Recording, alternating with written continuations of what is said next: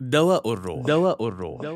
هكذا أطلق مدير المركز الفرنسي للآثار والعلوم الاجتماعية في صنعاء الباحث الفرنسي جان لامبير. على الأغنية الصنعانية والذي غاص في ثناياها قرابة العشرين عاماً متلذذا بكلماتها وألحانها وإيقاعاتها محاضرا عنها بشغف العاشق في كبريات المراكز الثقافية والفنية والعلمية. رحلة في الغناء اليمني.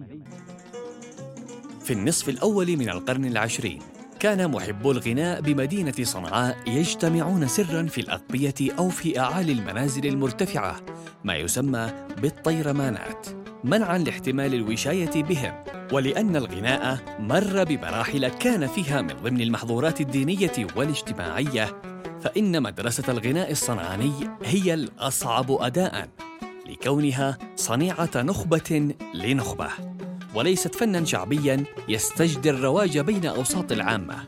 ورغم مراحل انتشار وانحسار الأغنية الصنعانية حسب طبيعة الحاكم في اليمن إلا أن ذلك لم يمنع الثراء والتنوع بين منطقة يمنية وأخرى.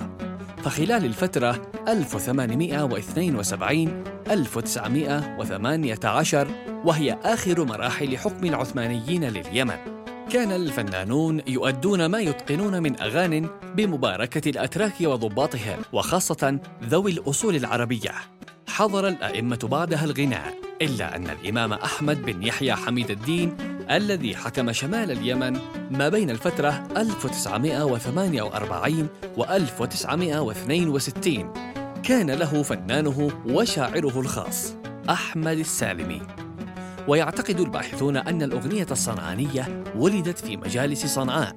ومن هنا جاءت التسمية.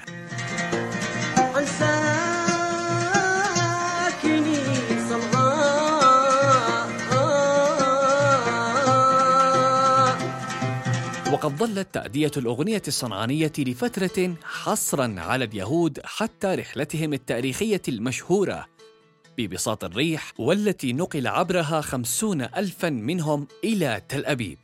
من أواخر الأربعينيات إلى بداية الخمسينيات من القرن الماضي.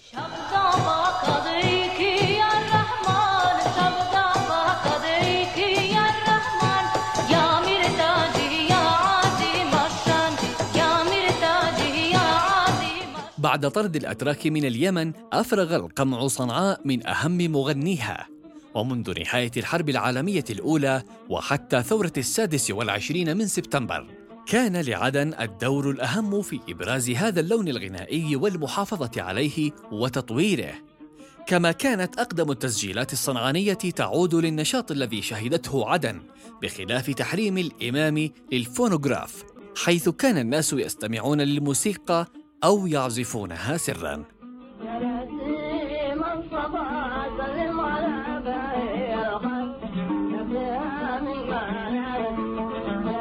كان للأغنية الصنعانية رواد حملوا على عاتقهم مسؤولية الحفاظ على هذا اللون الغذائي الفريد وساهموا بصورة أساسية في بقائه حتى اليوم ويجري وصفهم بمشايخ الغناء الصنعاني ومنهم محمد الماس وولده إبراهيم محمد الماس صاحب أغنية يا حي يا قيوم. يا قيوم يا موجد المعلوم. عبدك دعاك اليوم يا قاضي الحاجات حي يا قيوم.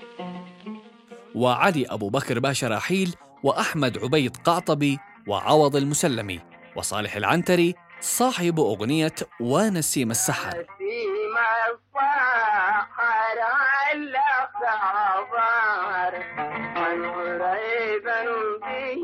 ومع كل هذه الجمالية والتفرد التي يتمتع بها الغناء الصنعاني لاقى اهتماما واسعا ليس على المستوى المحلي فقط بل حتى على المستوى العالمي ففي السابع من شهر فبراير عام 2003 أضافت منظمة اليونسكو الغناء الصنعاني اليمني رسميا إلى قائمة روائع التراث الشفهي اللامادي للإنسانية, للإنسانية.